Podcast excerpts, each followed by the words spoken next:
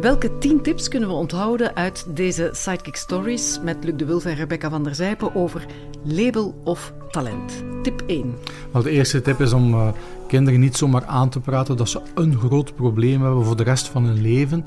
Um, en dat kind te reduceren tot het probleem, maar tegelijkertijd het ook niet onder de mat te schuiven en te erkennen dat er een vraagstuk is wat aandacht vraagt. Tip 2.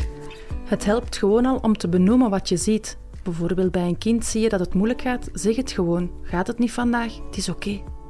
Tip 3. Kinderen met labels hebben altijd unieke talenten en hebben het nooit over het label zonder tegelijkertijd in dezelfde zin te gaan benoemen of in dezelfde gedachte gaan te benoemen wat de talenten zijn die achter die labels zitten. Tip 4. Een sidekick Sam heeft ook een sidekick Sam nodig. Als je voelt dat er iemand achter je staat, een directie, een zorgcoördinator, leerkrachten, ondersteuningsnetwerk, dan sta je zoveel sterker in je schoenen. Durf zeker ook toegeven als het niet gaat, als je het niet weet hoe het moet, er is altijd iemand die je kan helpen. Tip 5.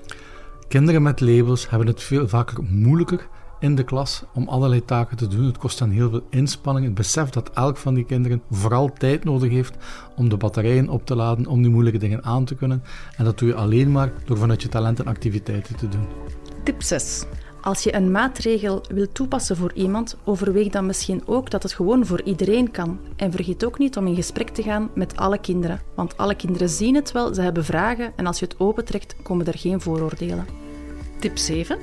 Het is een illusie om te denken dat je aan elk kind de individuele aandacht kunt bieden in de klas die het nodig heeft door op, maat van elk kind elke les vorm te geven. Creëer een rijke leeromgeving die zo gevarieerd is dat elk kind aan zijn trekken komt. Tip 8. Bouw bruggen voor je ze opblaast.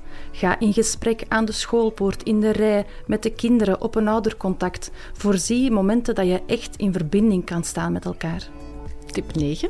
We hebben de neiging om vooral te kijken naar wat kinderen niet goed doen, om aandacht te geven aan ongepast gedrag en zo verder. Kijk achter dat gedrag, maak contact met wie het kind echt is, de positieve intentie, de talenten.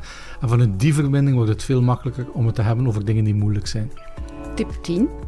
Lukt het niet? Laat het los. Soms gaat het gewoon niet. Gras groeit niet door eraan te trekken.